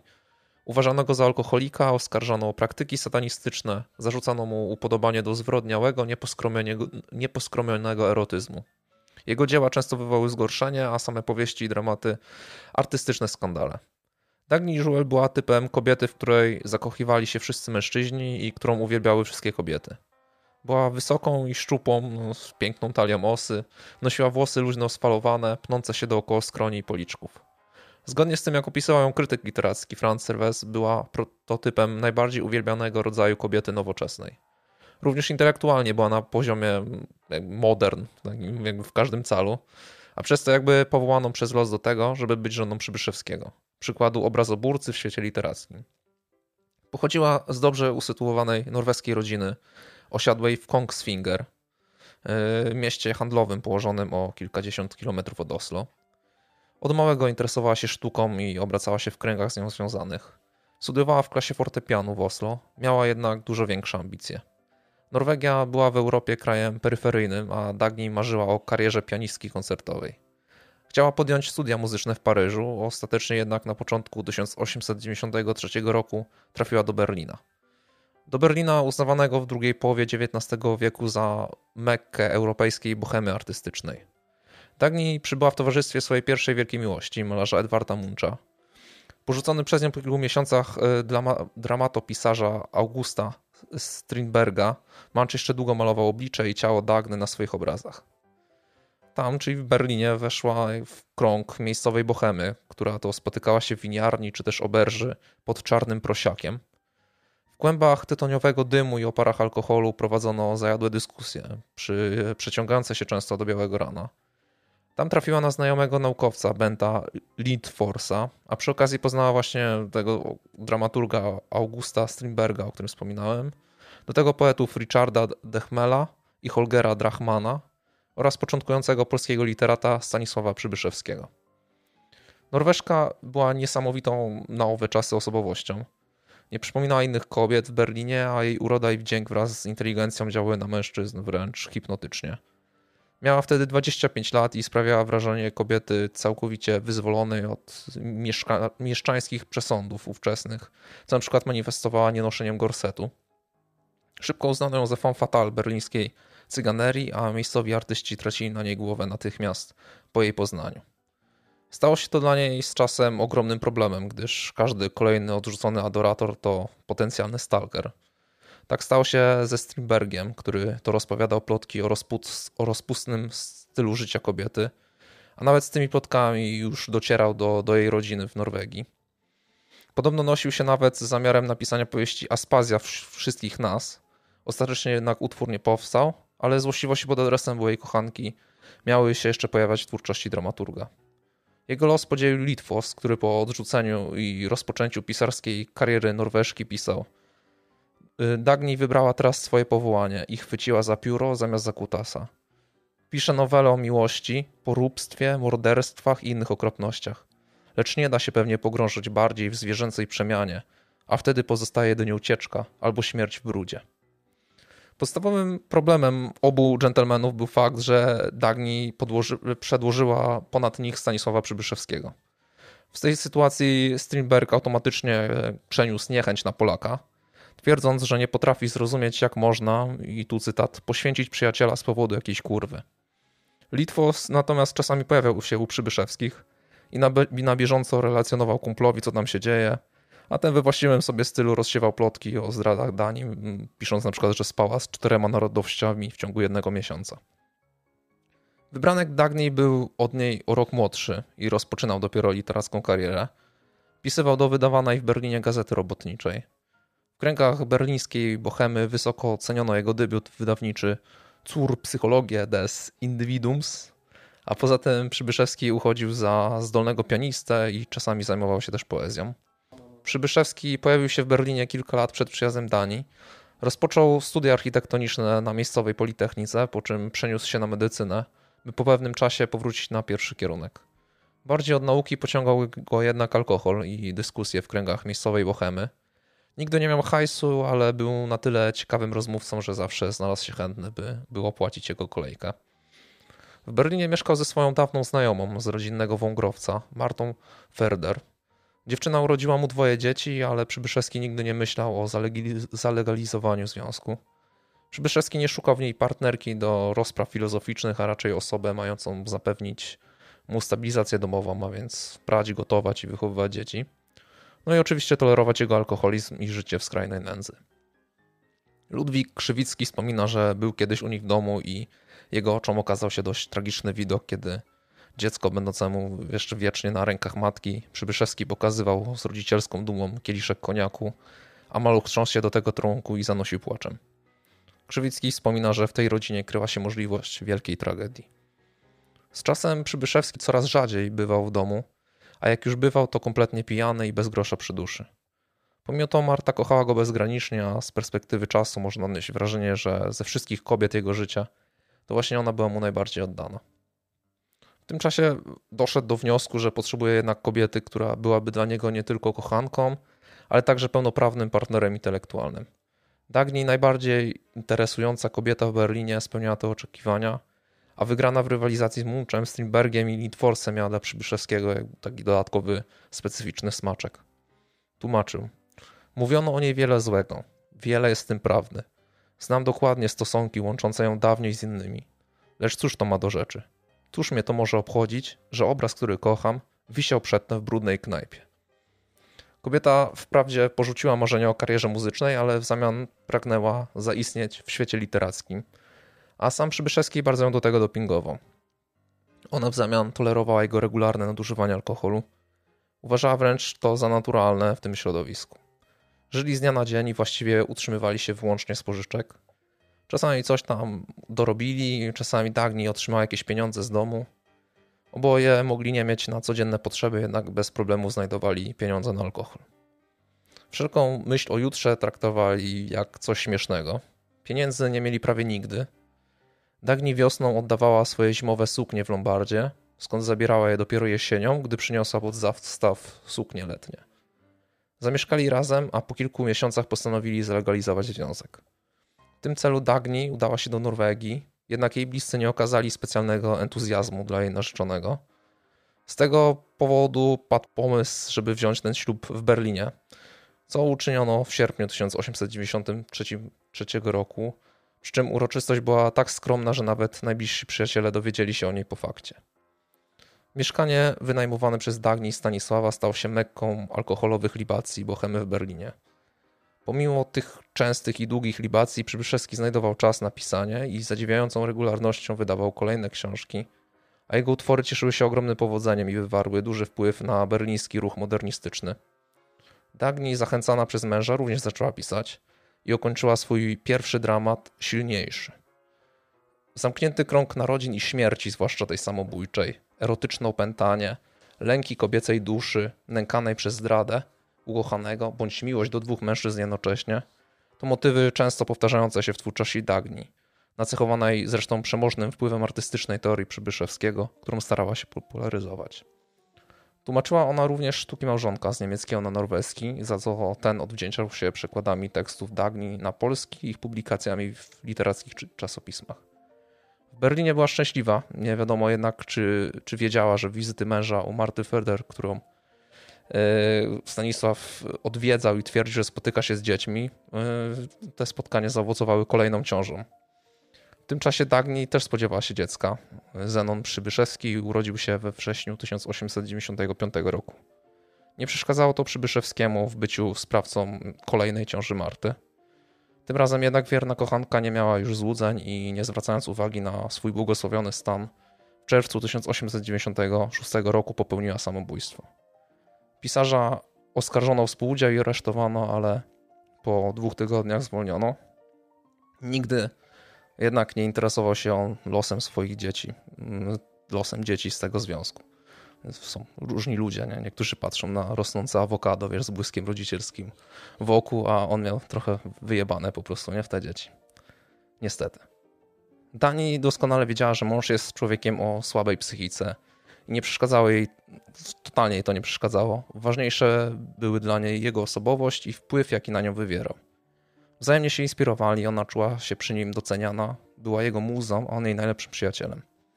Po śmierci Marty wiele osób odwróciło się od Przybyszyskich i ci udali się do Norwegii, gdzie choć Stanisława najbardziej wciąż interesowały dysputy intelektualne w trakcie suto zakrapianych imprez, to był chociaż w stanie raz na jakiś czas pojawić się w stanie takim umożliwiającym występ i zarobienie trochę pieniędzy na recitalach pianistycznych.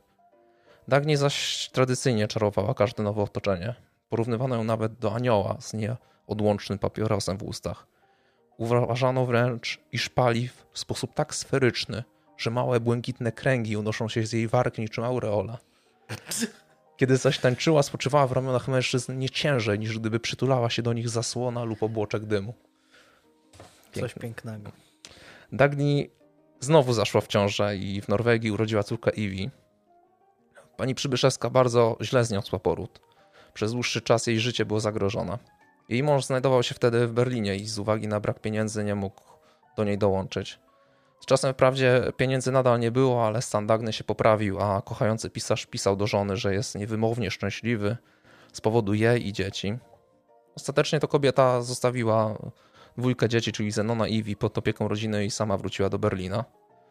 Nie trwa to jednak bardzo długo, bo zarysowuje się w końcu możliwość odbudowania stabilności finansowej tej rodzinie i ta stabilność finansowa zarysowuje się w Polsce. Bo Przybyszewski otrzymuje nagle propozycję objęcia redakcji krakowskiego czasopisma Życie.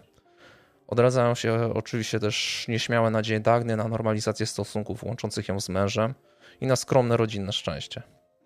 Przybyszewskiego, gwiazdę młodych Niemiec, w Krakowie oczekują z niecierpliwością. Przyjaciele i wyznawcy z pietyzmem urządzają czteropokojowe mieszkanie na ulicy Karmelickiej, które zostaje redaktorowi przydzielone. Dagny przyjeżdża do Polski dziećmi. Chce wspierać męża, spotykać interesujących ludzi i pracować. Duży wpływ na decyzję o przeprowadzce pod Wawel miało bankructwo berlińskiego wydawcy Przybyszewskiego, które oznaczało, że za niemieckie wydania swoich książek nie dostanie już żadnych pieniędzy. Do Przybyszewskiego w Krakowie lgnęli początkujący artyści, których nazwisk jeszcze nikt nie znał. Jak sam mówił Przybyszewski, zawsze kochałem obłąkanych, psychopatów, degeneratów, wykolejeńców. Ludzi niedociągniętych, spaczonych, takich, którzy śmierci szukają, a ta ich unika. Jednym słowem biednych, wydziedziczonych dzieci szatana i oni mnie nawzajem kochali. Stanisław dobrze dogadywał się z młodzieżą, miał jednak problem z porozumiewaniem się z literatami starszego pokolenia – Zabawnie wygląda przykładowo rozmowa Przybyszewskiego z Henrykiem Sienkiewiczem, który już świecił triumfy po sukcesach trylogii Krzyżaków i Kwowadis i uchodził za autorytet moralny narodu. Coś takiego jak Robert Makłowicz teraz. Tak, no mniej więcej trochę niższy poziom. trochę niższy poziom. Y, spotkali się w Zakopanem. Stanisław przyjął gościa z atencją, ale absolutnie nie wiedział, o czym z nim gadać. Zakłopotany chodził w milczeniu po pokoju, w końcu zbliżył się, położył gościowi rękę na ramieniu i rzekł swoim poufnym szeptem: Panie Henryku, napijmy się wódki. Niestety yy, warunki nie sprzyjają jakby ich planom, które założyli. Yy, szczególnie planom Dagni, bo Przybyszewskiego interesuje tylko praca, spotkania z przyjaciółmi i romanse. Ponadto Dagny, która w Berlinie uważała alkohol za coś normalnego dla artysty, Polsce dopiero zrozumie, że mąż ma poważny problem. Nawet najbardziej przyjaźni Stanisławowi twierdzili po latach, że mówić o Przybyszewskim w tych czasach z pominięciem wielkich dawek wysokoprocentowych trunków to byłoby tyle, co pisać dzieje Napoleona, a nie wspomnieć o wojsku. Angażuje się on kolejno w związki z żoną lwowskiego poety Kasprowicza i malarką Anielą Pająkówną, z którą będzie miał córkę Stanisławę. Nowoczesna i światowa, przy tym nieznająca polskiego Dagni jest samotna i wyobcowana w małym, konserwatywnym mieście, którym był wówczas Kraków. Krąg jej znajomych ogranicza się do artystów i literatów odwiedzających mieszkanie przybyszewskich, czyli z reguły młodych przyjaciół Stanisława, na których zjawiskowa uroda Dagni zawiera, wywiera oszałamiające wrażenie. Lokalna gawieć od razu zaczyna plotkować o niezliczonych aferach miłosnych, w które plątana jest pani Przybyszewska – i rzeczywiście odtrącona przez najdroższego Stacha, którego cały czas kocha i podziwia, Dagniej szuka zapomnienia i pocieszenia w ramionach kolejnych kochanków. Pisającego do, niego, do niej namiętne listy Boja Żeleńskiego, Wicentego Brzozowskiego, dla którego na jakiś czas zostawi męża i wyjdzie w świat, czego podobno bezpośrednią przyczyną jest fakt, że Przybyszewski, i tu cytat, przyłapał ją na zbyt drastycznych objęciach z Brzozowskim. Poza tym również 24-letniego poety Stanisława Koraba Brzozowskiego, który porzucony przez Dagni popełni samobójstwo. Wreszcie Władysława Emeryka, młodego poety i biznesmena, syna wpływowego właściciela kopalni miedzi i manganu na Kaukazie. Władysław był synem Gustawa Emeryka, polskiego prawnika z Kijowa, który zasłynął odzyskaniem ogromnego majątku potockich, skonfiskowanego po powstaniu listopadowym. Został za to osobicie wynagrodzony, to znaczy otrzymał 10% szacunkowej wartości odzyskanego majątku. Zajął się kopalniami metali, nabywał i eksploatował złoża żelaza i miedzi w Rosji i poza jego granicami, a w latach 90. XIX wieku jednym z jego największych interesów stały się kopalnie manganu w okolicy Chiatury w środkowej Gruzji. W tym czasie ożenił się, a młoda żona niemieckiego pochodzenia urodziła mu syna. Matka Władysława Kilka lat po ślubie zaczęła zdradzać objawy obłędu i wkrótce zmarła. Trudno określić, czy Władysław odziedziczył po, mat po matce chorobę psychiczną. Nie jest to jednak wykluczone. Być może do jej rozwoju przyczyniło się zaniedbanie ze strony ojca, który nigdy nie miał czasu dla syna. Żył w swoim świecie, nie odróżniał do końca świata realnego od tego literackiego. Jego marzeniem podobno stał się krwawy pojedynek o ukochaną kobietę. Jednocześnie miał bardzo dobre serce. Pieniądze otrzymane od ojca rozdawał wśród potrzebujących. A jeszcze z gimnazjum nabawił się ciężkiego przeziębienia, gdy podczas mrozów oddał płaszcz zdziebniętemu żebrakowi, czyli no z tej kasy był w stanie korzystać, nie no mógł ją, nie wiem, wydać na wybory, które się nigdy nie odbyły na przykład. A, a wydawał, wydawał w celach, w celach potrzebnych społeczeństwu. Gdy jako 17-latek y, musiał pozbyć się ulubionego psa podejrzewanego o wściekliznę, zastrzelił go sam z Browninga, a potem ukrył się w pobliskim gaju i co najmniej godzinę spędził na gorzkich łzach. Gdy jako młodzieniec pojawił się w Krakowie, w całości pochłonął go Przybyszewski.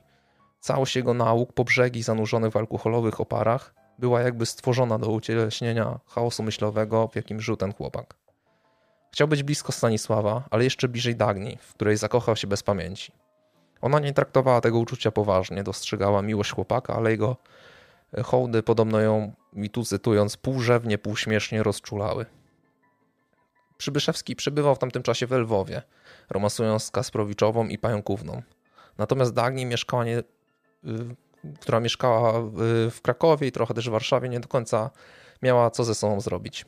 Być może dlatego przyjęła ofertę Ameryka, który zaprosił ją i i całą jej rodzinę na wakacje na Kaukaz. Emeryk był y, przez nią traktowany jako taki dodatek i sponsor tego wychillowania, którego potrzebowała. Poza tym zaproszona została z mężem, więc liczyła, że ich relacje dzięki wycieczce do tego ówcześnie egzotycznego kraju się poprawią. Ostatecznie małżonkowie ustali, że Dagny pojedzie z Amerykiem i Zenonem, a po kilku dniach dołączy do nich Przybyszewski z Iwi. 23 kwietnia Warszawę obiegła wieść o śmierci Stanisława Kora-Brzozowskiego. Poeta odebrał sobie życie, a jego samobójstwo odbyło się zgodnie z zasadami epoki. Tak to re relacjonowano. Sprzedał resztę szczupłego dobytku i zaprosił na kolację paru przyjaciół. Wiedzieli, a raczej czuli, że ta kolacja jest dla niego ostatnią. Nad ranem wstał od stołu, pożegnał się spokojnie i wyszedł.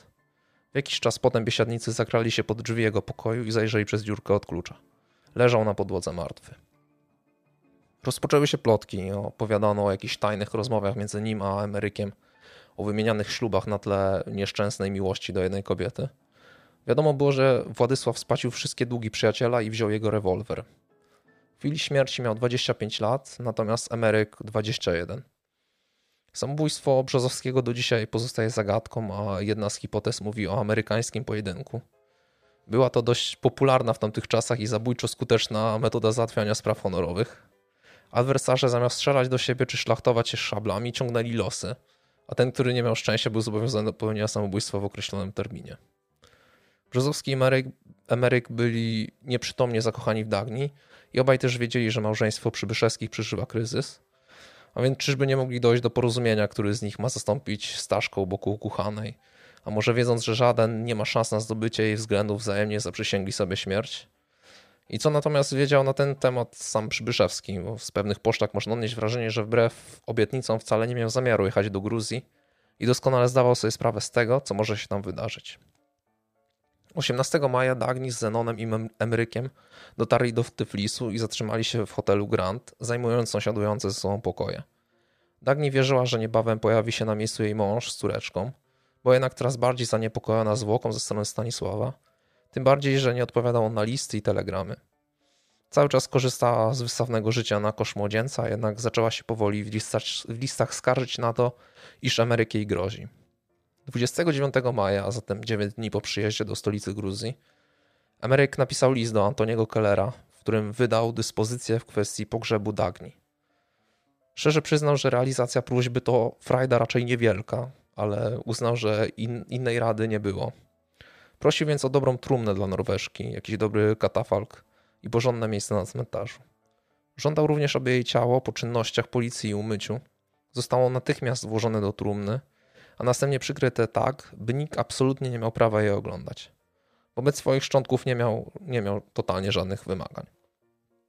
Podczas gdy Władysław powoli przygotowywał się do zbrodni, Dagni okazywała coraz większe zdenerwowanie. Była zbyt doświadczoną kobietą, by nie zauważyć, że Emeryk jest osobą nie do końca zrównoważoną psychicznie. Zaczęła pisać już coraz bardziej rozpaczliwe listy do męża. Treść tych listów była wyjątkowo chaotyczna, zupełnie niepodobna do zwyczajnej korespondencji norweżki. Jest zatem możliwe, że Emeryk w tajemnicy podawał jej jakieś środki wpływające na ten stan psychiczny i, i otępienie Dagny. Emeryk również pisał listy, a adresatem jednego z nich był mały Zenon. Władysław chciałby list doręczony mu po osiągnięciu pełnoletności, a tam w tym liście przepraszał, że zabiera mu matkę. Ważniejszy wydał się jednak list do Przybyszewskiego. Wyjaśnił on w nim swojemu mistrzowi, że robi to, co on powinien był zrobić i zabija ją dla niej samej. Ciekawy jest też element listu, w którym wspomina, że Dagni początkowo chciała odejść z tego świata, jednak ostatecznie, i tu cytując, matka w niej zagórowała, gdyż zanadto kocha Zenona. Wobec tego Emeryk musiał sprawę odłożyć i zabija ją w chwili, gdy się tego najmniej spodziewa. List napisał dwa dni przed tragedią. Emeryk odprowadził Zenona do znajomych, po czym wracając zamknął się z Dagni w pokoju hotelowym. Chwilę później padły strzały. Przybyszewską znaleziono ubraną na, na szezlongu o godzinie 13. Emeryk prawdopodobnie podał jej winie środki nasenne, aby ją zaskoczyć. Zmarła od strzału rewolwerowego w tył głowy. Chwilę później przy jej łóżku Emeryk popełnił samobójstwo. Do uśmiercenia Dagni i siebie użył rewolweru otrzymanego w spadku po Stanisławie Kora-Brzozowskim. Ofiary pochowano na tyfliskim cmentarzu na Kukach trzy dni później, w dzień 34 urodzin Dagni. Jej mąż nie przybył na pogrzeb żony, tłumaczył się, że nie miał pieniędzy. Mogiła znajduje się na cmentarzu Kukach i odwiedzają wielu turystów, e, stojących z chwilą zadumy nad skomplikowanymi losami kobiety, która będąc muzą wybitnych twórców, swojej epoki sama nie zaznała zbyt wiele szczęścia. Pozostało po niej kilka utworów literackich, kilka zdjęć oraz żywa do dzisiaj legenda fan fatal młodej Polski i berlińskiego modernizmu. Jej twarz i sylwetkę można cały czas odnaleźć w dziełach Wigelanda, Mancza czy Wyspiańskiego. Szczerze mówiąc, nigdy o tej, o tej historii nie słyszałem. E, niesamowite, jak, e, jak ta cała e, ekipa tych wszystkich pisarzy i poetów, jak bardzo była postrzelona w tamtym, w tamtym czasie. No, no oprócz Henryka Sienkiewicza, który no wiadomo, taki stateczny. Nie, taki stary dziad po prostu. Tak. Ale no trudno sobie teraz wyobrazić, nie wiem, Andrzeja Sapkowskiego, który wyjeżdża na jakąś, nie wiem, podróż e, z, z poetką i tam nie wiadomo co robi. E, czy nie wiem, Pili Piłka, nie, Pili, Pili, Piłka, Pili Piłka to nie, no nie wiem kogo. E, Remigiusza Mroza. No, no. no. Naprawdę, naprawdę ciekawa. Zdjęcia, zdjęcia są, tak, są, są, są jakieś. Są, są, są, są e... oczywiście. Nie wiem. Hotel Grand jeszcze istnieje w Tbilisi? Co? Nie wiem. A bardzo możliwe, że istnieje. Te stare hotele w wielu miejscach, wiesz, nawet zostały poodnawiane. Nie wiem, szczerze mówiąc nie patrzyłem. Ciekawe. Ciekawe, czy, czy jeszcze, jeszcze Ale wiesz, y, tak myśląc tropem tym, tym, jak to w Polsce wygląda, to często te, te stare hotele, które kiedyś były, no tak jak na przykład Arłamów powiedzmy, nie? to był stary, fajny, wiesz, hotel gdzieś perelowski, później zostali tak odnowiony na przykład. Nie? To znaczy, no, no to był taki ośrodek rządowy Ośrod... niby, no, no. Arłamów. No, ale, ale w wielu miastach tak te hotele takie powiedzmy, y, które kiedyś świeciły, to teraz też zostały odnowione i, no, i też trochę możliwe, coś tam świecą. Możliwe, że, że jeszcze, jeszcze jest. Jak ktoś z naszych słuchaczy mieszka w Tbilisi, to, to niech, y, niech potwierdzi, że faktycznie... Że no faktycznie... Z, tym, z tym może być łatwiej niż, niż z kimś, kto studiował w latach 60. w Stanach Zjednoczonych. E, może, może jest, albo po prostu da się to jakoś wygooglować, chociaż hotel może się już inaczej nazywać na przykład. Chociaż jeśli to jest taki z tradycjami, no to zazwyczaj one zachowują swoje, swoje nazwy. Nie no, Grand to brzmi tak dosyć tak brzmi dostojnie. Dumnie, no, brzmi dumnie. dumnie no. Mm, więc no nie wiadomo. E, ciekawe, ciekawe, ciekawe. E, dobra. Źródła znajdziecie w, w w opisie filmu i na Facebooku. E, zdjęcia znajdziecie e, na Facebooku. E, I oczywiście zapraszamy, zapraszamy do, do dyskusji, pogaduch na temat, na temat tych spraw.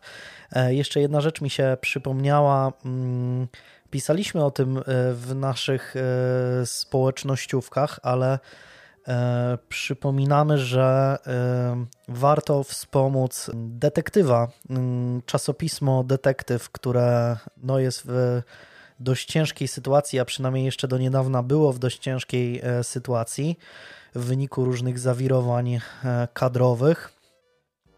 Więc warto jest pójść do kiosku, do sklepu i kupić najnowszy grudniowy, grudniowy numer detektywa i E, numer specjalny, bo są obecnie e, dwa, dwa numery w, w sprzedaży e, i wspomóc redakcję, nową redakcję detektywa, która, która planuje podtrzymać gazetę i, i dalej ją wydawać. Fajny prezent, nie? Staremu tam do, do, do gaci i do skarpet dorzucić. Tak. Na pewno będzie się z tego dużo bardziej tak. cieszył. Ja już przeczytałem oba numery i są, i są naprawdę interesujące. E, są naprawdę, naprawdę fajne, więc, więc myślę, że warto. Jeśli ktoś lubi podcasty kryminalne, jeśli ktoś lubi historie kryminalne, to na pewno mm, z detektywem też będzie się e, dobrze, dobrze bawił. Zwłaszcza, że to jest kawał historii i pewnie wielu z nas e, mm, zaczynało gdzieś tam od tego detektywa, podkradając go, nie wiem, ojcu, dziadkowi czy, czy, czy babci. E, bo to przecież gazeta wydawana już od, od wielu, wielu lat w Polsce. Więc szkoda by było, mm, żeby zniknęła z, z półek w kioskach. Dobra, to w takim razie to w takim razie tyle. Nie wiem, czy jeszcze w tym roku się, się spotkamy. No teraz, teraz tylko ty będziesz nagrywał, musisz dokończyć historię swoją. Więc, Może... więc ja dołączę dopiero jak skończysz Zodiaka. No nie, no chyba te, no, e, może zrobimy jeszcze jakiegoś, nie wiem, może, może live'a gdzieś w, w okresie świątecznym. Lajta Bożego? Może lajta jakiegoś zrobimy w okresie świątecznym, ale to jeszcze e, zobaczymy jak, e, jak będzie z Zrobimy ten w Sylwestra od 19, od 19 do 6. Tak, tak, tak, no. No bo musimy się, ale to, no też nie będziemy... No nie, no jak przyjdziesz na przykład do mnie od 19, to będziesz musiał siedzieć do 6. No tak, no to wtedy tak, no to może się źle skończyć. Dobra, e, w takim razie, e, gdybyśmy się nie widzieli do tego czasu, to wszystkiego, wszystkiego dobrego dla Was. E, bądźcie, bądźcie bezpieczni i, i uważajcie na siebie. Do następnego. Cześć.